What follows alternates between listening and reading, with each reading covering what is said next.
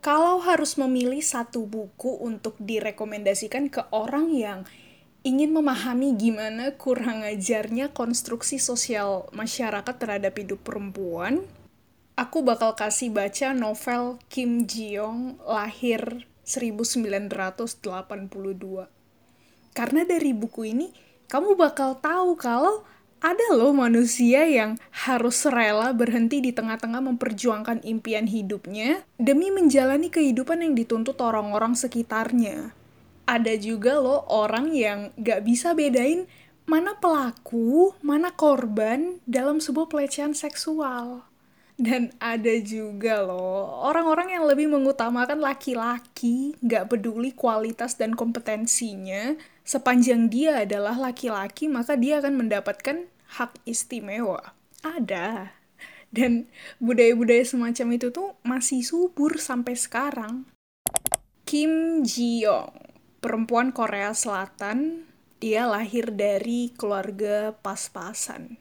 Ayahnya seorang PNS kelas rendah, ibunya seorang ibu rumah tangga. Uh, novel ini pada dasarnya bercerita tentang kehidupannya Ji-young yang dari kecil itu udah ngerasain ketidakadilan berdasarkan gender. Jadi harapannya ketika kamu membaca ini, kamu punya pemahaman gitu gimana konstruksi sosial masyarakat Korea Selatan itu seringnya lebih tajam dan lebih merugikan perempuan. Meskipun latar tempatnya di Korea Selatan itu nggak akan ngurangin rasa relatablemu sebagai pembaca sih menurut aku, karena permasalahannya sama-sama aja kok sama yang ada di di negara 62 tercinta ini. Sama-sama aja. Mulai dari Kim Jong masih kecil. Pas dia masih kecil tuh dia udah ngerasain efek dari konstruksi sosial itu meskipun dia nggak sadar kalau itu adalah sebuah ketidakadilan ternyata. Di rumah Jiong adik laki-lakinya tuh selalu diistimewakan. Contohnya adik laki-laki tuh lebih santai. Dalam artian gak perlu beres-beres rumah. Selalu dapat porsi makan yang lebih banyak. Punya kamar tidur pribadi. Gak pernah kena marah kalau nakal. Pokoknya adanya itu mendapatkan perlakuan istimewa lah. Berbeda dengan Jiong dan kakak perempuannya. Nah pertanyaannya kenapa cuman si adik laki-laki ini yang hidupnya bagaikan raja? Alasannya cuma satu Ya karena dia laki-laki. Jadi konteksnya adalah di masa itu kelahiran anak laki-laki itu di dalam sebuah keluarga itu menjadi sesuatu yang didamba-dambakan gitu. Karena anak laki-laki itu dianggap lebih bisa diandalkan, lebih bisa menaikkan derajat hidup keluarga. Sementara kelahiran anak perempuan itu ya eh, lebih dianggap gak terlalu penting gitu malah ibunya Kim Ji Young itu ya dia sempat gugurin anak ketiganya setelah tahu kalau jenis kelaminnya itu ternyata perempuan. Potret perempuan di tempat kerja juga punya masalahnya tersendiri. Di novel ini diceritain susahnya perempuan mendapatkan promosi, terus gaji perempuan yang lebih rendah daripada laki-laki, perempuan yang terpaksa resign setelah melahirkan anak, sampai pelecehan seksual yang dialami perempuan di kantornya. Nah, Kim Ji Young pun akhirnya jadi salah satu perempuan yang harus resign dari kantor setelah melahirkan anak pertamanya. Selama mengurus anaknya ini, dia kehilangan gairah hidup gitu, sampai akhirnya dia depresi. Dan yang paling sedih menurutku adalah saat-saat dia mengurus anaknya itulah puncak di mana dia kehilangan jati dirinya sebagai manusia. Karena selama ini selalu menjalankan tuntutan masyarakat atas perempuan yang gak sesuai dengan hati nuraninya. Banyak banget pembaca yang merasa buku ini tuh relatable banget dengan kehidupan mereka sebagai perempuan. Kenapa merasa relate coba? Ya karena segamblang dan sejujur itu diceritain betapa sulitnya perempuan itu menghadapi tuntutan masyarakat sekitarnya. Dan di Indonesia pun konsep perempuan merdeka, konsep perempuan yang memilih jalan hidupnya sendiri itu masih sangat asing gitu, belum bisa diterima sepenuhnya. Perempuan selalu saja ada salahnya gitu, atau lebih tepatnya disalahkan Gak peduli apa pun pilihan hidup mereka. Coba perhatiin ya.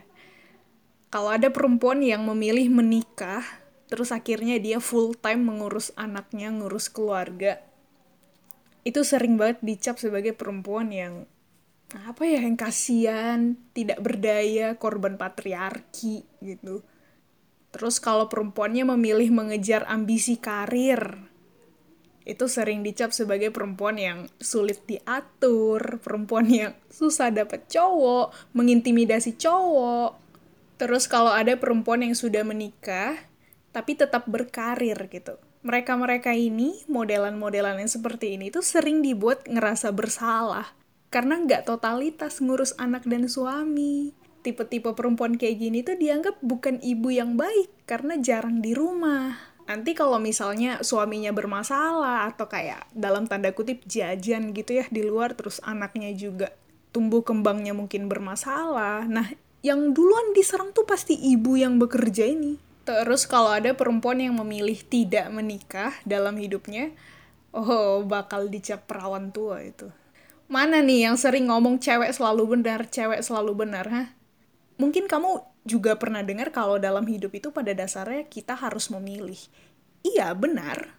Tapi kenapa pas setiap perempuan mau memilih apa yang akan menjadi jalan hidupnya, apa yang menurut dia pantas diperjuangkan untuk kebutuhan jasmani dan rohaninya, dia seakan nggak punya kuasa gitu loh. Selalu dibenturkan dengan konsep perempuan itu harus begini, perempuan itu harus begitu. Kamu bukan perempuan seutuhnya kalau nggak menikah, kalau nggak melahirkan, lalu ngurus anak dan suami. Kamu bakal ditinggalkan cowok kalau kamu lebih pintar atau jabatanmu lebih tinggi dari mereka. Yang benar aja lah kalian itu. Ada beberapa poin yang menurutku harus kurenungkan kembali setelah membaca novel Kim Ji Young ini. Kita mulai dari yang pertama. Ternyata masih banyak orang yang gak sadar telah melakukan atau mengatakan sesuatu yang mendiskriminasi, bahkan sampai mengobjektifikasi perempuan. Kenapa kok bisa nggak sadar? Karena dari dulu yang kita lihat, yang kita konsumsi itu adalah perempuan itu ya diperlakukan seperti itu.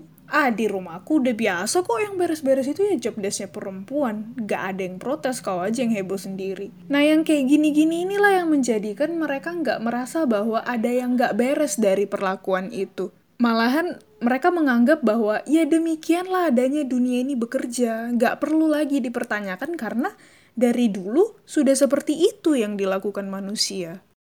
Yang kedua, um, ada satu bagian cerita yang membuat aku agak geram, kesal, marah, campur aduk gitulah ya dari novel ini, yaitu ketika si penulis menceritakan bahwa perempuan pada masa dulu di Korea itu mereka bekerja keras sepanjang hidupnya untuk membiayai pendidikan saudara laki-laki mereka sampai jenjang yang paling tinggi. Apakah perempuannya juga sekolah? Iya. Tapi rata-rata cuma sampai SD atau SMP yang mentok-mentok SMA. Terus, apa yang perempuan-perempuan ini dapatkan setelah saudara laki-laki mereka sukses? Gak ada ketika si saudara laki-laki itu sukses, masyarakat malah lebih memuji si laki-laki karena dinilai wah sudah memperbaiki taraf ekonomi keluarga, sudah dapat pekerjaan yang bagus di perusahaan atau di mana pun itu. Padahal yang orang-orang itu tidak ketahui adalah si laki-laki itu bisa sekolah sampai sukses karena apa? Ya karena uang yang dihasilkan saudara perempuannya. Poinnya adalah betapa ironisnya posisi perempuan di sini gitu. Gak ada yang mengakui, gak ada yang menyadari betapa berjasanya mereka. Mereka bahkan gak mendapatkan apa-apa loh dari hasil kerja keras mereka sendiri. Kalau mereka tamat SMA terus mereka mau lanjut kuliah, ya udah mereka kerja keras sendiri untuk biaya kuliah mereka. Karena masyarakat itu lebih mengapresiasi yang tampil di depan publik gitu, sedangkan perempuan mereka selalu ditempatkan di balik layar. Padahal kenyataannya pekerjaan tangan mereka lah yang paling berpengaruh daripada laki-laki berjabatan tinggi itu. Yang ketiga, perempuan itu juga susah mendapatkan dukungan moral ketika ada hal-hal buruk yang menimpa dirinya. Contoh yang paling mainstream deh, yang mungkin orang-orang udah bosan kali ya.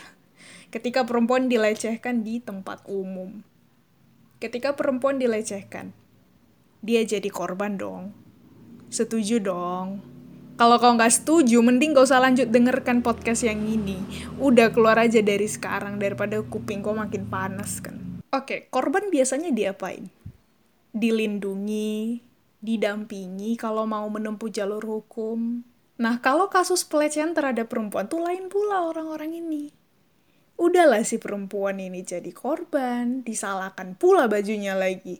Kenapa pakai baju ketat? Kenapa pakai yang kurang bahan? Kalau versi kisahnya si Kim Ji Young di novel ini dia malah kena marah sama papanya. Bukannya berusaha menenangkan anaknya bapaknya ini malah membombardir pertanyaan gitu. Kenapa kamu harus bepergian sejauh itu? Kenapa perginya malam-malam? Kenapa kamu pakai rok sependek itu? Kamu tuh hati-hati lah sama orang asing di jalan. Jangan bicara sama sembarang orang. Sih lebih gampang menyalahkan perempuan daripada mengurus pelaku pelecehannya.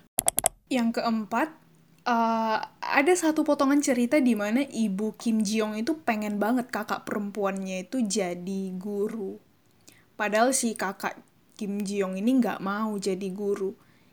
Ibunya itu beralasan kalau guru itu cocok untuk perempuan, apalagi kalau nantinya udah nikah dan ngurus anak guru itu dinilai pekerjaan yang nggak terlalu berat, nggak menghabiskan banyak waktu, sehingga perempuan tetap bisa mengerjakannya sambil ngurus anak dan hal-hal domestik lainnya. Gitu logikanya si ibu. Poinnya dalam hal ini adalah perempuan dalam dunia pekerjaan pun dibatasi pilihannya. Dia harus mempertimbangkan faktor domestik ketika memilih pekerjaan dia juga dihadapkan dengan jenis-jenis pekerjaan yang stereotipikal.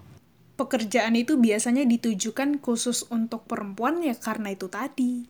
Dinilai ringan, tidak menghabiskan banyak waktu, masih bisa disambi dengan mengerjakan urusan domestik rumah tangga. Gak ada yang salah dengan pekerjaannya, gak ada yang salah dengan menjadi guru. Yang gak beres di sini tuh apa coba? Pembatasan-pembatasan seperti yang kuceritakan tadi tuh nggak berlaku buat laki-laki. Hampir nggak pernah terpikirkan oleh laki-laki untuk mempertimbangkan aktivitas domestik gitu ya ketika mereka mencari pekerjaan. Kalau kebetulan kamu adalah laki-laki yang sedang mendengarkan podcast ini, coba deh tanya ke dirimu sendiri. Pernah nggak mikir, aduh kalau aku ngambil pekerjaan ini, nanti anak-anak, istriku, sama yang beres-beres rumah tuh tetap bisa kuurus nggak ya? Pernah nggak mikir kayak gitu? Kalau pernah ya udah syukur gitu. Kalau enggak enggak tahu lah. Tapi lebih sering enggak sih kenyataannya? Pertimbangan tadi itu selalu dibebankan kepada perempuan. Alasannya bisa karena pembagian peran mereka di rumah yang emang nggak seimbang. Jadi maksudnya pekerjaan domestik itu sepenuhnya dilimpahkan ke istri sedangkan si suaminya itu sepenuhnya bekerja gitu di luar.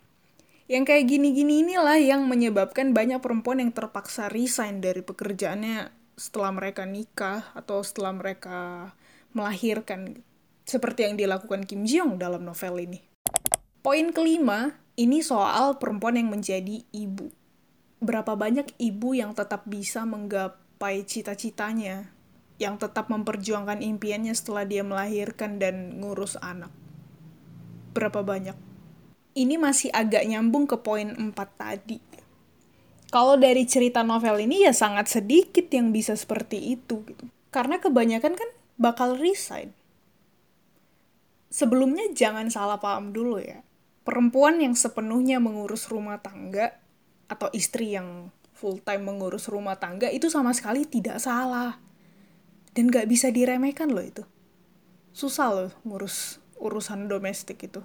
Cobalah sekali-sekali seharian beresin tuh rumah, ngepel, nyapu, nyuci, terus sambil ngurus anak kecil yang rewel. Wah, parah itu susah. Sepanjang pilihan itu lahir dari proses diskusi yang setara ya dengan suaminya, ya then go for it. Tapi di sini konteksnya adalah perempuan yang di dalam hatinya itu masih tersimpan harapan gitu untuk mewujudkan impiannya, tapi terbentur dengan keadaan Nah, si Kim Ji Young adalah salah satu perempuan yang seperti ini gitu. Dia kan harus melepas karirnya demi sepenuhnya mengurus anak. Perasaan yang dia alami itu tergambar jelas di novel ini. Awalnya dia masih biasa-biasa aja dengan segala rutinitas barunya. Nah, lama-kelamaan dia mulai berubah. Dia mulai suka melamun, mengigau yang aneh-aneh, kehilangan gairah hidup dan pada akhirnya kehilangan dirinya sendiri. Karena apa? Karena hidup yang sedang dia jalani itu bukan sepenuhnya seperti yang dia harapkan. Ada kekosongan di hati kecilnya gitu di balik setiap rutinitas yang dia kerjakan. Poin keenam, poin yang terakhir sebelum episode ini berakhir, ada satu hal yang mengganjal gitu ya di pikiranku setiap kali membicarakan apakah perempuan itu harus tetap berkarir setelah menikah. Ini akan kuceritakan sekilas saja ya beberapa pendapat yang sering kudengar gitu dari sekitarku. Pendapat pertama, kalau si suaminya itu udah bisa mencukupi segala kebutuhan rumah tangga, ya nggak perlulah istrinya juga ikut kerja. Terus kalau pendapat kedua tuh, perempuan boleh-boleh aja kerja, ngejar karir, tapi harus tahu batasannya. Pekerjaannya ya kamu pilih yang ringan-ringan aja, jadi nggak ini loh, nggak melalaikan pekerjaan rumah, kamu tetap bisa ngurus anak dan juga mengurus suami. Sangat peran ganda. Mantap. Pendapat ketiga, perempuan tuh nggak seharusnya kerja, karena kodratnya ya dapur, sumur, kasur. Gile aja loh perempuan keluar rumah. Kalau diperhatikan, alasan-alasan tadi tuh kebanyakan hanya dilihat dari sisi ekonominya Entahlah ini tepat atau tidak dikatakan di sini ya, tapi sejauh yang aku perhatikan, alasan perempuan itu bekerja nggak selalu karena uang. Wow, terdengar sangat idealis, bukan? bukan. Tapi gini, yang sangat jarang disinggung adalah tentang aktualisasi diri si perempuan itu sebagai manusia. Coba lepaskan label bahwa dia adalah seorang istri, bahwa dia adalah seorang ibu. Jangan, coba jangan pakai itu dulu deh. Pandanglah dia sebagai manusia utuh yang punya impian kecil di hatinya, punya passion pemberian Tuhan kalau dia percaya Tuhan, punya ego untuk mewujudkan itu semua, punya pandangan yang penting untuk didengar dan dipertimbangkan. Sekarang coba kita bayangin ya. Kita ambil kasusnya Kim Ji Young di novel ini aja deh. Sebelum dia nikah, dia tuh kerja di sebuah apa tuh agensi humas kinerjanya bagus, progres pekerjaannya selalu positif, dapat pujian dari rekan kerja, dari atasan, dia senang bekerja di situ. Terus akhirnya dia menikah, dan kehidupannya harus berubah 180 derajat berbeda dari sebelumnya. Dia resign, sehari-hari harus mengurus rumah dan anaknya. Pasti ada peran batin kan dalam dirinya. Secepat itu perubahan dalam hidupnya, gimana dia harus menyesuaikan diri dengan aktivitas yang sudah berubah total ini. Itulah yang dialami Kim Ji Young di novel ini. Dia merelakan banyak hal. Dia merelakan impiannya, karirnya. Dia menyimpan kesedihannya tuh sendiri. Kalau udah kayak gini, lama-kelamaan yang terjadi apa coba? Perempuan tuh kehilangan dirinya. Kehilangan jati dirinya karena nggak ada wadah untuk dia mengaktualisasikan diri sebagai manusia. Dan dalam cerita Kim Ji Young, wadah itu adalah pekerjaannya. Lama-kelamaan kan setelah dia menyimpan semua kekecewaannya itu sendiri, akhirnya kan dia depresi toh. Gak semua keputusan itu harus diambil dari pandangan laki-laki ya. Apalagi ini keputusan yang diambil setelah menikah, setelah hidup bersama kadang tuh ya aku masih suka denger dari cowok-cowok yang langsung menetapkan peraturan strict gitu, peraturan yang kaku kalau nanti dia udah nikah, si istri tuh nggak usah kerja lagi. Wow, aku sangat kaget. Dia belum diskusi apa pun loh ke istrinya, kok malah udah ambil keputusan sendiri gitu. Padahal kan si istri juga kena dampak dari keputusan itu. Harusnya diajak diskusi bareng dong tanpa laki-laki itu sadari, mereka memutuskan sendiri jalan hidup orang lain. Egois kan? Hampir nggak pernah aku dengar, seingatku ya. Nggak ada gitu mereka yang jawab, ntar deh diskusi dulu sama dia, dia maunya kayak gimana. jarang ada yang mau melibatkan perempuan tuh dalam mengambil keputusan. Nggak tau lah mereka sadar apa enggak itu. Tapi aku melihat itu dari jawaban mereka. Kebanyakan langsung main ambil keputusan sendiri. Kenapa gitu ya ambisi dan keinginan perempuan tuh sering dibatasi dan bahkan dilihat dari sudut pandang laki-laki. Kalau laki-laki udah bisa melakukan tugas itu, perempuan gak usah lah ikut campur lagi. Padahal impian dan karir perempuan itu juga adalah wujud aktualisasi dirinya sebagai manusia. Dia berkarya untuk menyalurkan talentanya agar tetap waras. Dia bekerja di bidang tertentu karena di situ passionnya. Gak melulu harus karena laki-laki, gak usah terlalu pede Anda. Sebelum mempertimbangkan urusan ekonomi, tanyalah dulu pendapat si perempuan atau istrimu itu dia maunya seperti apa. Dia maunya gimana. Dia harus punya otoritas untuk memilih jalan hidupnya di keluarganya sendiri. Dan apa pun nanti hasil kesepakatan pasangan itu, yang terpenting adalah hasil itu didapat setelah berdiskusi bersama, setelah mendengarkan pendapat masing-masing, bukan dari pemaksaan kehendak salah satu pihak terhadap yang lain. Gak heran sih kenapa cerita di novel ini bisa sebegitu menyentuh banyak hati orang di kehidupan nyata. Diam-diam merasa relate, diam-diam saling mengamini kalau ketidakadilan terhadap perempuan itu masih ada banget sampai sekarang. Diam-diam setuju kalau setiap perempuan itu punya impian yang sedihnya harus disimpan dalam hati aja karena terlalu sering dibenturkan sama budaya patriarki ataupun hal-hal lain yang harus diprioritaskan diam-diam merasa kalau Kim Jong itu adalah bagian dari diri kita juga ternyata.